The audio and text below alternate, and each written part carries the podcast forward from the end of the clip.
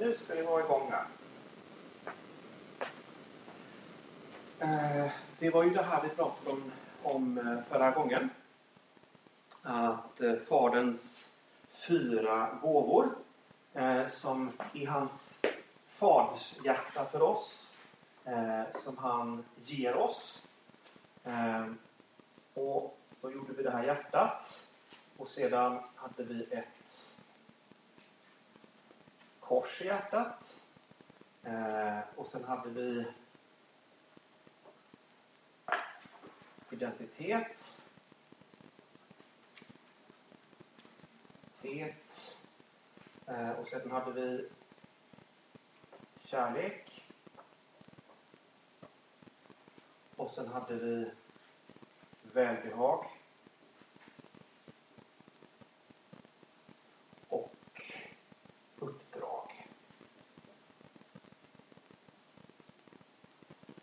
Ehm, jag skriver inte allt, men identiteten eh, ger oss vårt, vårt värde, att vi skapar till Guds avbild. Eh, kärleken, att vi är älskade av Gud, ger oss en trygghet eh, också inför vad andra tycker och tänker om oss. Eh, välbehag. Eh, det ger motivation att vi vill glädja honom som ser på oss med glädje. Eh, och uppdraget att råda över Guds värld i Guds namn ger oss eh, stolthet, respekt, eh, eh eh, så.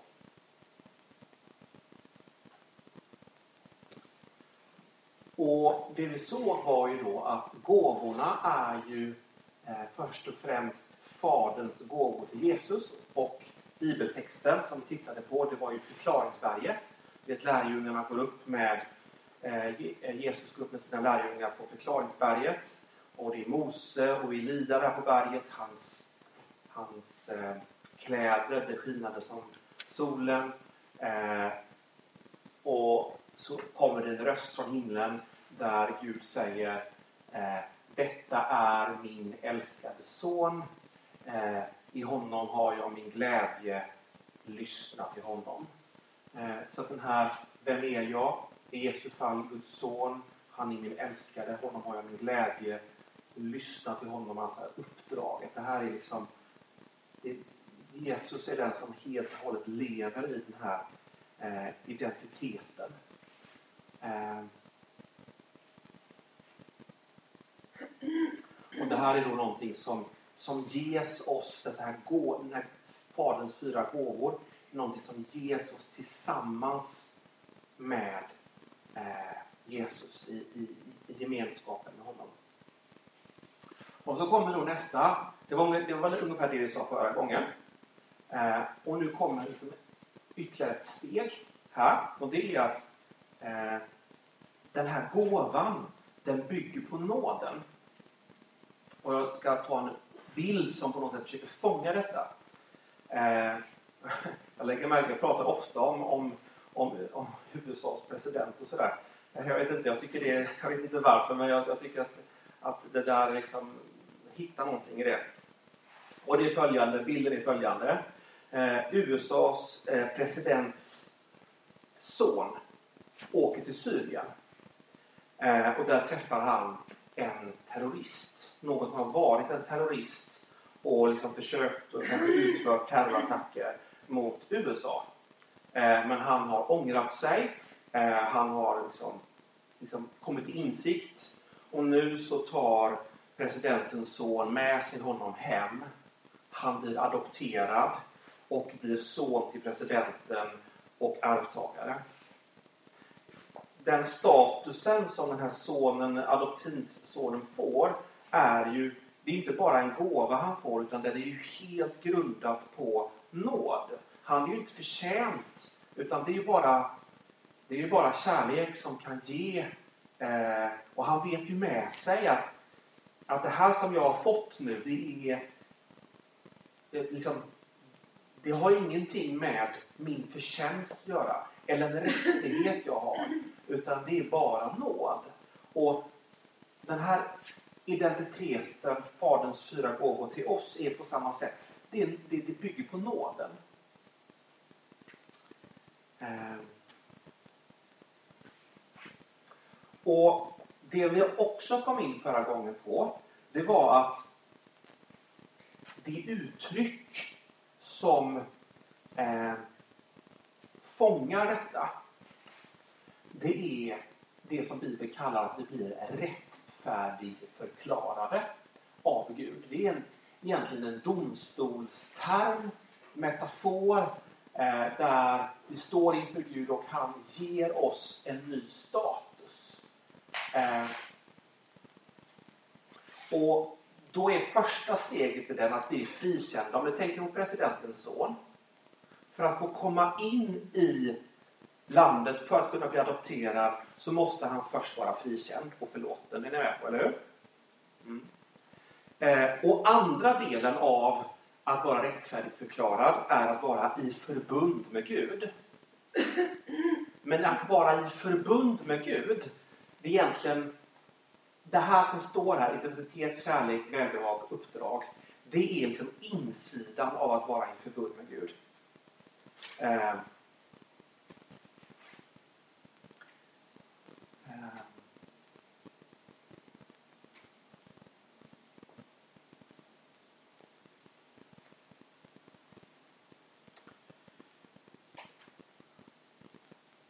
Precis. Ehm. Så det här är alltså Guds, Faderns hjärta för oss som vi får från honom.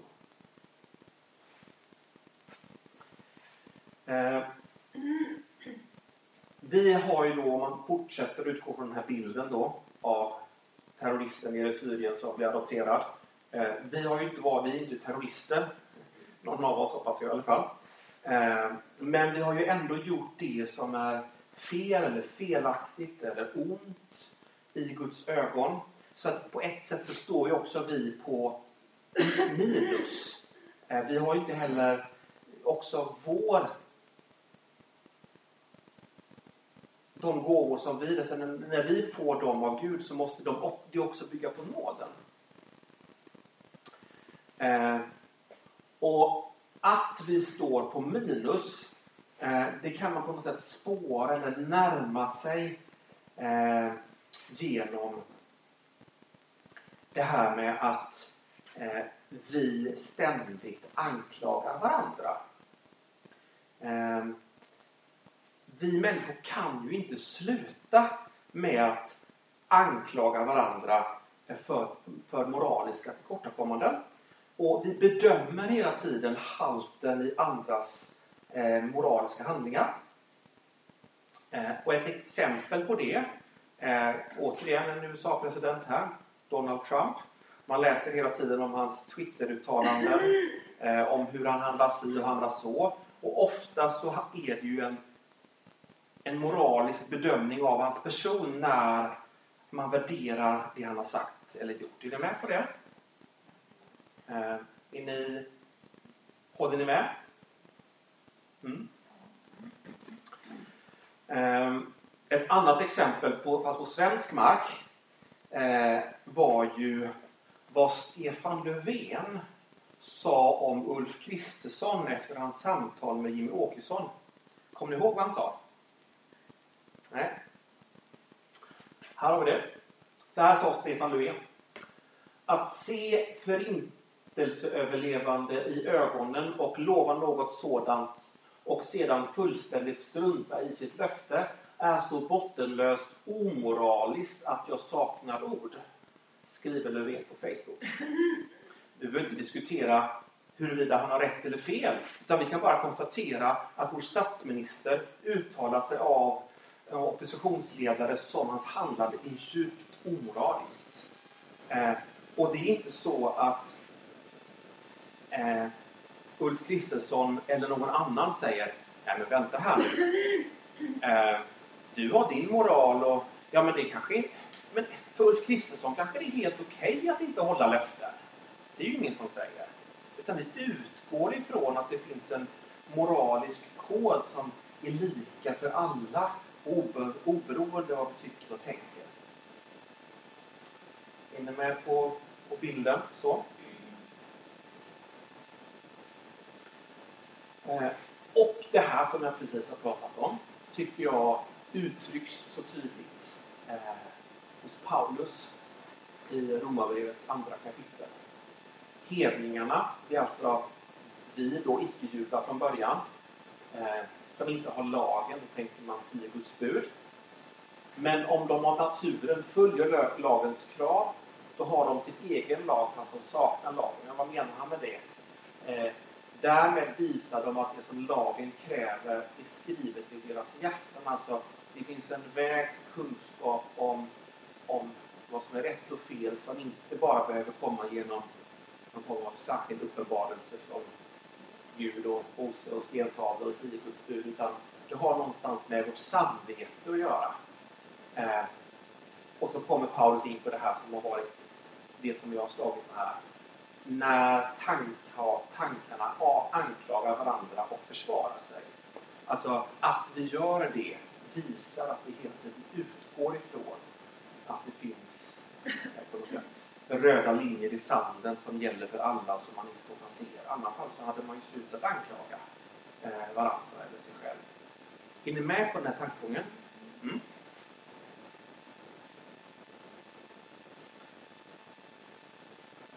Eh, och då är det så, tycker jag, att om man tänker på det här, det här ständiga utvärderandet av varandra och oss själva, eh, så är det som att vi lever i nästan i en rättssal.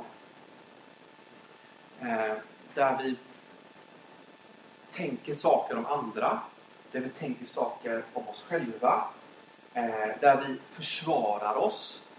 Eh, om du har varit med någonting på jobbet någon gång och så har någon sagt något så kanske ni upptäcker att när ni kommer hem så kör ni en liten monolog i huvudet. Har ni varit med om det någon gång?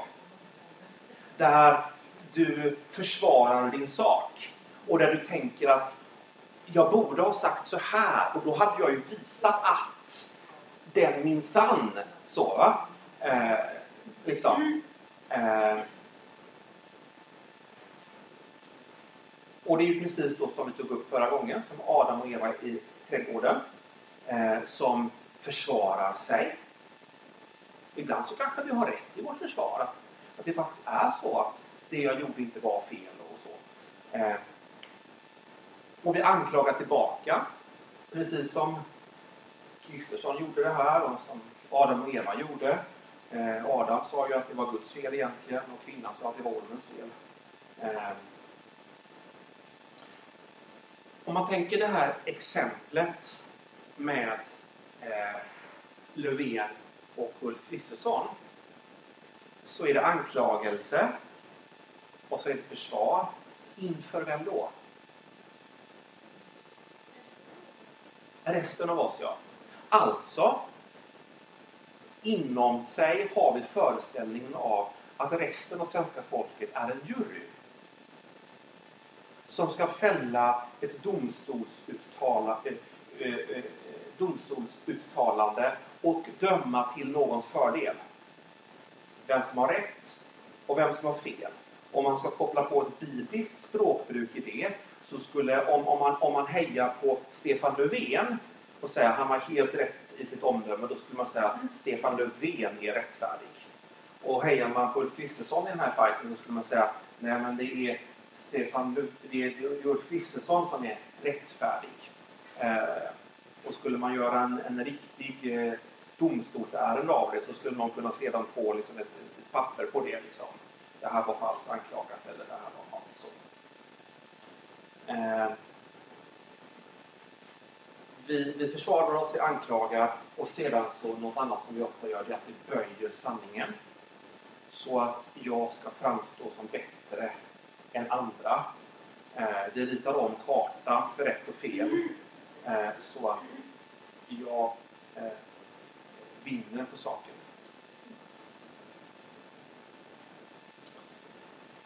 Men det är också något annat som sker Och det är att det handlar inte bara om ett dömande om rätt och fel utan det vi också gör i detta mot varandra och oss själva det är att vi uttalar oss om vårt värde.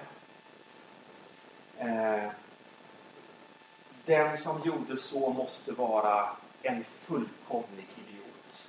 Vilket as. Vilken skit. Alltså vi, vi har ett uttryck där vi inte bara säger att den personens handlingar var förkastliga utan vi kan också ofta uttrycka ett ganska stort mått av förakt mot självaste personen. Eller så kan vi göra det mot oss själva. Man säger till sig själv så här, ja men jag är ju helt misslyckad. Jag, jag är ju en idiot. Känner ni igen det här? Det ser ut som ett stort frågetecken så här. Du gör aldrig så här. ja, okej. Okay. Ja. Bekymmersrynkan betyder inte som att, vad är det han säger nu? Nej, nej, okej. Okay. Mm.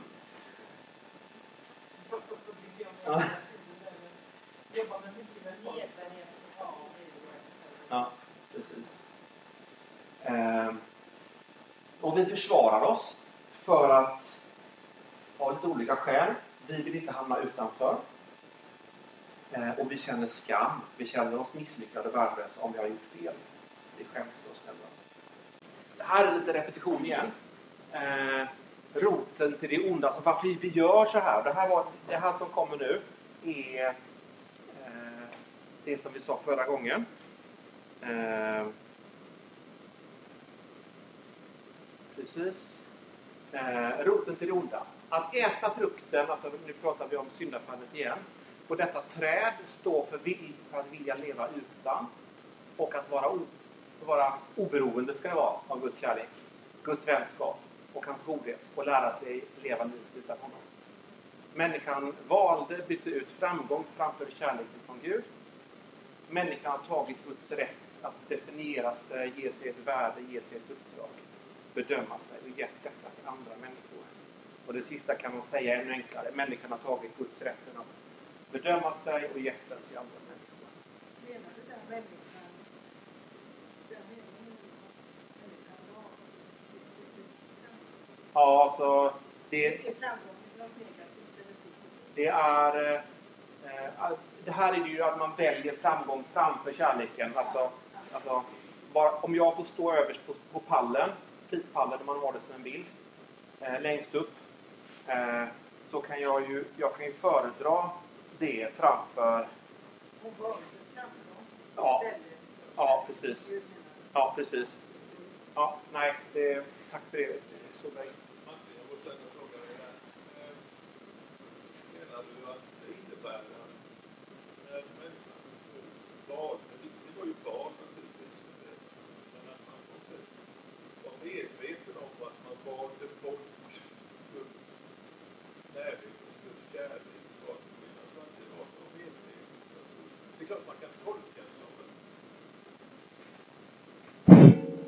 Alltså men det, det är ju...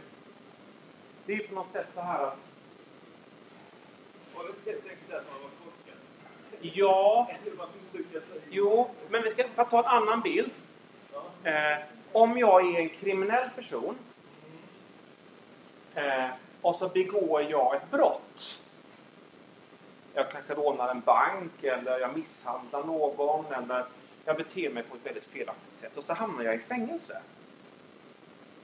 det jag egentligen har gjort utan att jag vet om det, det är att jag har sagt jag vill inte, jag vill inte vara en del av den mänskliga gemenskapen.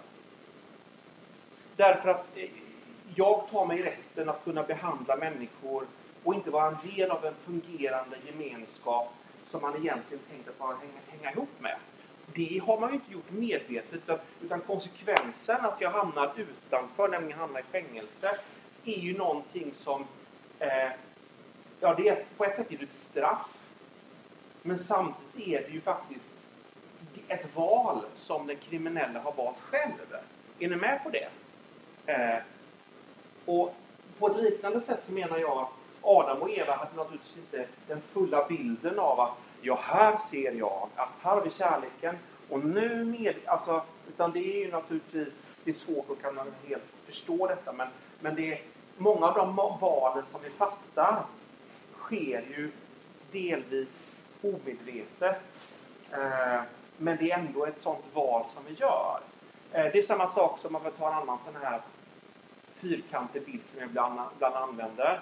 Personen som i äktenskapet väljer att enbart satsa på sin karriär och som gör att relationen går sönder så småningom kanske inte medvetet har sagt jag vill inte vara gift med dig eller ihop med dig.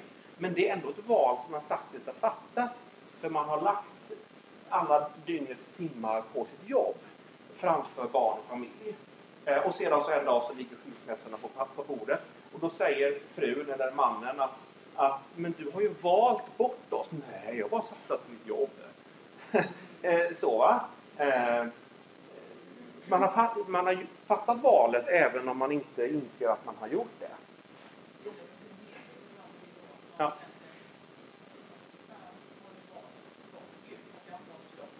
Nej, men precis. Ja. Nej, men det kan jag köpa. Jag kan mycket väl relatera till det du säger där om att jobba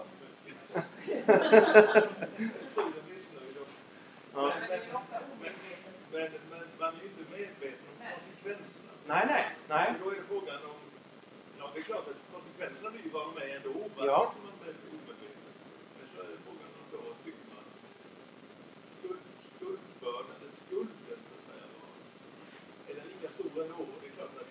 Ja, men precis. Där, det- här är ju ytterligare en fråga. Om jag fattar ett val och i en viss riktning och får ta konsekvenserna av det men jag inte har den fulla insikten om vad det är jag gör.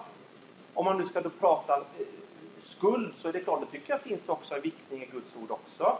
Att ett val som är fattat i full medvetenhet om, om vad jag gör. Jag inser att nu kommer jag skada den här personen och det gör jag med intention, vett och vilja. Det är ju mer allvarligt än att man fattar ett beslut som visserligen skadar en annan person men man gör det inte fullt medveten om vad man gör. Eh, I båda fallen har man ju kanske gjort, då, om man tar den här fyrkantiga bilden som förut med personer som arbetar för mycket. Båda har man gjort ett val och det har man en moralisk skuld för. Men det, om man gör det medvetet eh, så är det naturligtvis det ett större ansvar och större skuld. Ja, men precis. Ja, ja. precis. Är det uppsåt eller är det... Mm. Eh, går vi vidare. Gud älskar varje människa. Och han står inför ett dilemma. Vad är detta för dilemma?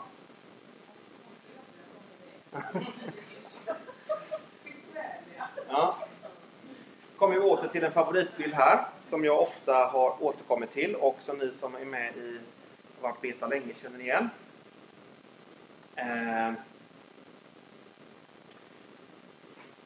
det, jag såg på en, en, en dokumentär på SVT, det är ett antal år sedan nu, som handlar om eh, Putins väg till makten.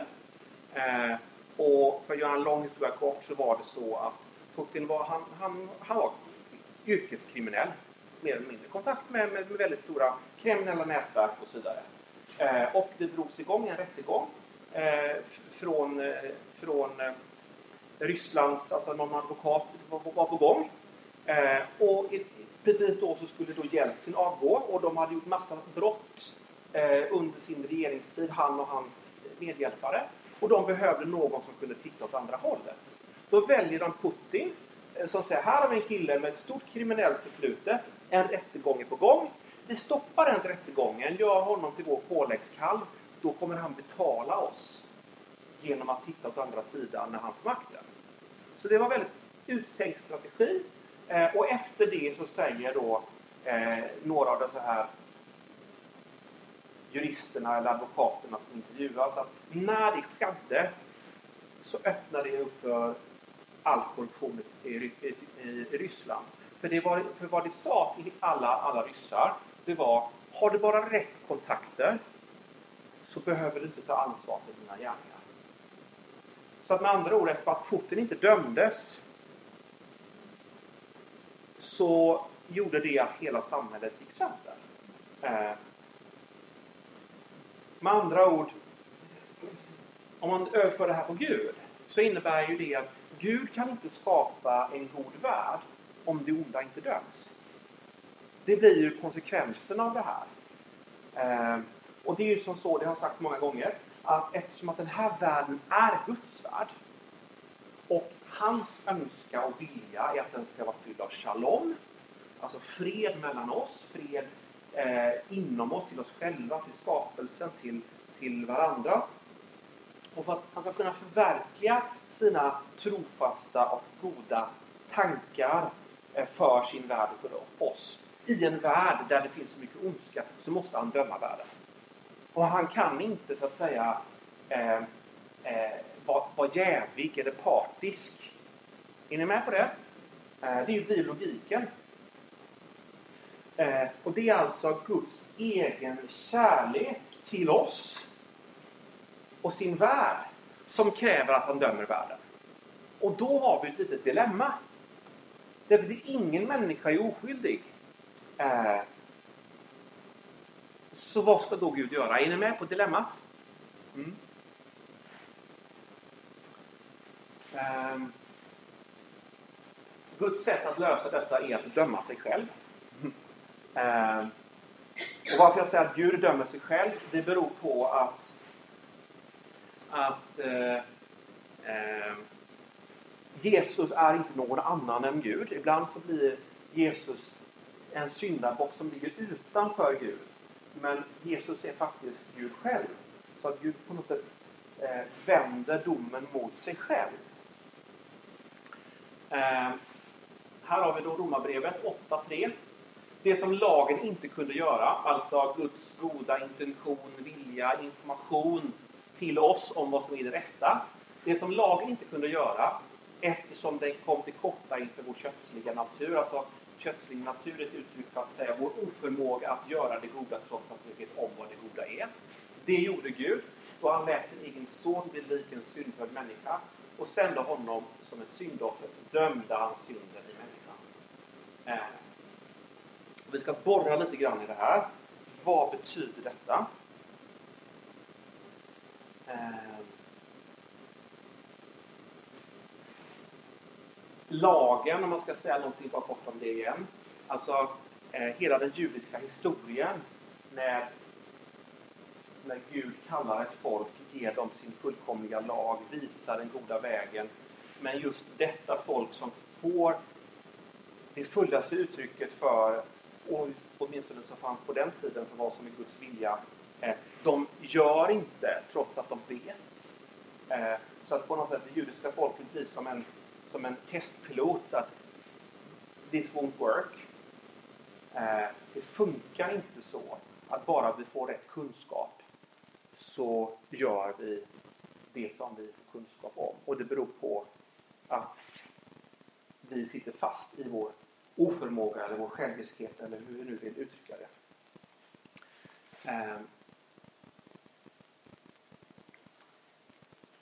Men nu kommer det till någonting som vi som jag tycker själv är väldigt viktigt. Men hur dömer Gud synden i Jesus? Eh. Ja.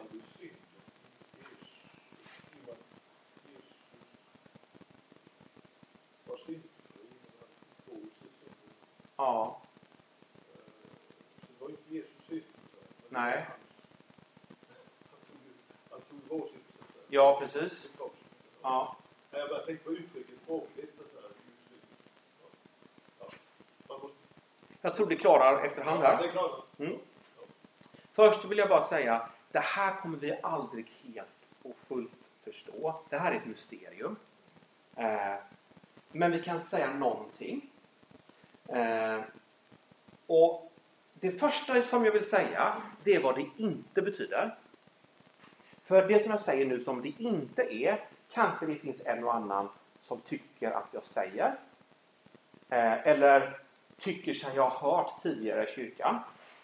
Så som det inte är, det är inte så att Gud slår en hammare i Jesu huvud så att han dör istället för att så att säga eh, slå en hammare i vårt huvud. Vi förtjänar ett straff. Jaha, här har vi någon annan som kan, som kan få straffet. Eh, då tar vi Jesus istället. Bank! Nu dog du istället för att du dog. Är ni med på bilden? Mm. Det är inte det. Det kan låta så när man säger det här, men det är faktiskt inte det. Och nyanserna här är jätteviktiga, för annars fall så får vi fel gudsbild. Och vi hamnar utanför det som skriften säger. Men ibland så kan vi som präster, förkunnare, eh, förenkla så mycket så att vi, det blir fel. Eh, och, och, och, och, eh, och det landar i oss på ett väldigt obehagligt sätt. Jag ska, med att jag själv har så att säga, reagerat ganska starkt mot det sättet att tänka och känt att obehag och, och så, så har jag behövt fundera. Vad, är, vad, vad, betyder det här att Jesus tar vår synd eller han tar vårt straff? Eller vad betyder det egentligen? Eh, och det som jag själv har upptäckt efter många års funderande eh, så är det det här. Jag ska förklara detta. Gud utlämnar Jesus. Vi hittar det tydligt i Bibeln. Så här står det i också Romarbrevets 8 kapitel och 32 vers. Han som inte skonade sin egen son utan utlämnade honom för att hjälpa oss alla. Varför ska han inte skänka oss allt till honom? Vad betyder det här med att utlämna? Jo, eh, Gud utlämnar Jesus åt den ondska som vi släppt lös. Och om den inte hade tillåtits förgöra honom hade den för oss. Ta en bild hämtad från eh, Johannes 10 kapitlet. Där säger Jesus att han är den gode heden som ger sitt liv för fåren. Och bilden är att heden konfronterar vargen eller lejonet eller rovdjuret eh, som får döda heden i fårets ställe. Är ni med på det? Mm. Om vi laborerar med den bilden lite och tänker oss att det är fåren som har släppt ut vargen. Då ställer ju sig heden i vägen för att själv ta smällen av det som fåren själva har orsakat. Men fåren, om de hade gjort, släppt ut vargen på grund av sin stora själviskhet, vad nu vargen står för, egoism, så hade det ju i en mening varit rättvist ifall de fick bli uppätna av vargen. Men om då Gud utlämnar Jesus eh, så att han blir den som drabbas av det som vi har ställt till med så dör han ju på ett sätt den död som vi själva skulle dött. Och samtidigt så ställer han sig mellan oss och det som det onda skulle gjort med oss om vi hade blivit utlämnade själva åt att ta konsekvenserna av våra handlingar. Är ni med? Det här är ganska intrikat. Men det här blir ju en helt annan gudsbild än om man tänker sig här har vi, oj, ja vi måste straffa någon här för att jag ska vara rättvis. Ja, da, da, da, de vill jag inte, ja, men då tar vi Jesus istället. Är Ni är med på skillnaden? Ja. Nej, det här är inte skillnaden. Det som jag, om du, om du ska prata teologiskt fikonspråk, eh, så är det här objektiv försoningslära som jag förkunnar nu, predikar. Även det sista för sig. Ja, det, även det sista. Det, men det subjektiva, ja, vi behöver inte gå in på det. Vi kan ta det efteråt. Men det är inte, det är, nej. Um, um, så heden dör för fåren och istället för fåren. Men han tar också straffet istället för fåren. Är ni med? Eh, och helt plötsligt så blir det goda nyheter. Åtminstone inom mig. Eh, ja, absolut. Mm, Vi tar det. Rättfärdigförklarat. Vi ska försöka sy ihop säcken. Jag kommer inte hinna med allt idag. Men det vill jag. Jag å andra sidan aldrig. Så att det är precis som det brukar vara. Eh, ja. Eh, rättfärdigförklarad. Alltså, det är fullkomligt rättvist om vi får själva ta konsekvenserna av vår galenskap. Och det är helt förenligt med Guds kärlek till oss. Att låta oss få vår vilja igenom, alltså få vår vilja igenom. Om vi vägrar att ta emot hans lösning. Alltså om vi blir utlämnade åt att gå bort från Gud, därför att vi väljer det, så är det ju rättvist från Gud att låta oss gå. Är ni med på den bilden? Och det är det som utläm det är det egentligen straffet handlar om. Alltså straff handlar om eh, att Gud låter det bli så som vi själva väljer. Eh, därför att det synden gör, det är att synden förgör sig själv. Eh, det, synden fungerar som en cancer.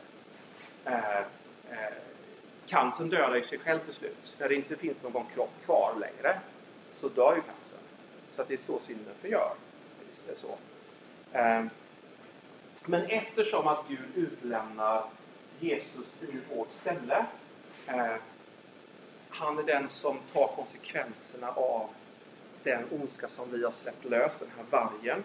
Så är Gud fri att benåda oss utan att vara opartisk, utan att vara partisk och åsidosätta, åsidosätta rättvisan. Det blir inget nytt Ryssland, om man nu tar den bilden. Va? Eh, för att han säger eh, här har vi ett gäng här. Jag väljer att liksom negligera det de har gjort. Utan Gud löser det. Eh, därför att det onda är dömt och besegrat i Jesus. Ehm, och därmed så kan han rättfärdig förklara oss. Då vi nu har gjorts rättfärdiga genom tro har vi frid med Gud genom vår Herre Jesus Kristus. Eh, rättfärdigförklaring sker genom tro. Och vad är då tron? Det här blir nog slutklämmen tror jag. Tron är mottagandet av Kristus. Ett sätt att uttrycka det. Ett annat sätt att säga att vi kommer till Kristus. Ytterligare ett är att vi lägger våra liv i hans händer. Ytterligare ett är, och här är kanske klon, att vi ger honom makten och kontrollen över våra liv.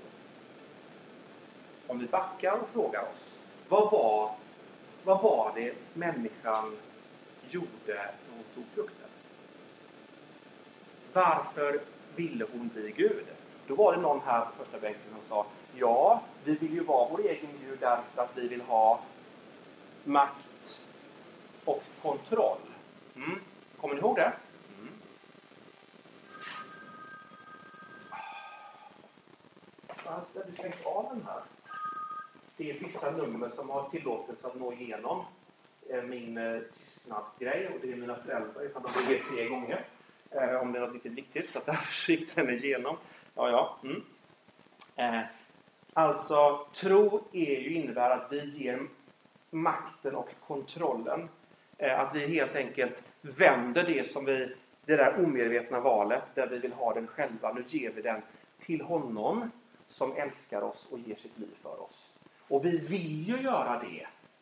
Det är ju vad på ett sätt vad varje barn vill innan man har kärleksfulla föräldrar. Man vill ju, ska ta en bild, avsluta med detta. Vi har varit inne i en mycket spännande uppfostringsfas.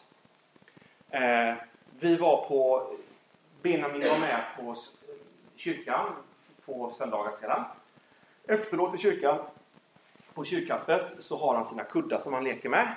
de andra barnen får inte leka med, det, med de kuddarna. Eh, och sedan så går han och äter och sedan så kommer de andra barnen. Han blir topptung och rasande. Han, han står inte ut med att de andra barnen leker med hans kuddar. Det blir väldigt sjå. Och Maria står där mitt bland alla barnen. Liksom och sådär. Eh, och vi, liksom, för oss blev det ett wake-up call. Vi insåg, just det. Vi har lirkat med honom. Vi har avlett honom när han blir arg. Men han bestämmer ju. Han styr ju oss med sin ilska. Eh, Eh, och, och, och, får oss liksom och manipulerar oss genom att bli arg. Och jag bara, ja, vi, vi, måste bryta det här nu. Ja, hem, äta vid lunchbordet, Eh, så. Eh, och så börjar det här tillskandet. Han ska inte sitta och kryper in under bordet och han bara upp och ner och sådär. Och bara okej, okay, nu, nu är det aldrig liksom. Sådär. Så, så här, nu, nu är det så här Benjamin att jag, jag eh, det är, du som, det är inte du som bestämmer här utan det gör vi. Och nu gör vi så här. Antingen sätter du dig på din stol eller så kommer jag ta dig och så lyfter jag ut dig i bilen och så åker vi iväg. Du får välja. Eh, eh, så här va. Jag räknar till tre. En, eh, två, eh, tre. Eh. Okej, okay. jag tar honom under armen på med jackan, går ut i bilen. Han skriker som en ångvissla, tjuter och bara fäktar och är jättearg. Liksom. Sätter honom i bilen. Åker till macken, för jag behövde köpa på kylarväska. På vägen dit så blir han helt lugn. Kommer in på macken, då har han fått rasa av sig totalt. så. Eh. Och så kommer vi in i macken och jag tänker nu blir det samma sak igen. Jag vill ha den godisen och det och det och det. Och jag bara nej. Och han bara vill du ha det? Nej. Nej. Sen åker vi till Ikea, samma sak där. Du vet tusen saker han vill ha. Han är helt lugn. Och han är glad. Och han är liksom, du vet, vi har en jättefin eftermiddag. Eh, och jag bara insåg att det var en sån frihet för honom. Att jag bestämde. Eh, alltså, när jag återtog makten och kontrollen så kunde han vila i det. Han blir orolig och rädd när han är tvungen att, att vara den som bestämmer över det som inte han har mandat och rätt och kunskap att bestämma över. Och så är det också med Gud. Vi tänker... Ja, precis. Eh, och vi, vi gör ju precis som Benjamin. Jag vill inte, jag vill inte, jag vill ha makten och kontrollen. Du är dum, dum, dum, dum. Får inte jag göra som jag vill? Så här. Och så till slut så kapitulerar vi och säger men det är du som ska ha makten och kontrollen. För Gud liksom, han flyttar inte på sig. Utan han står här liksom. Ja, men det, tyvärr, jag kan inte förändra universums liksom, natur och moraliska lagar bara för att du blir arg. Det funkar inte så liksom. Och det är inte bra för oss, för då blir det ju vi som är Gud och då måste vi ha koll på allt. Och så kapitulerar vi och så bara jag får vara Guds barn. Jag får vara äta med honom på Ikea. Fantastiskt liksom va? Ja.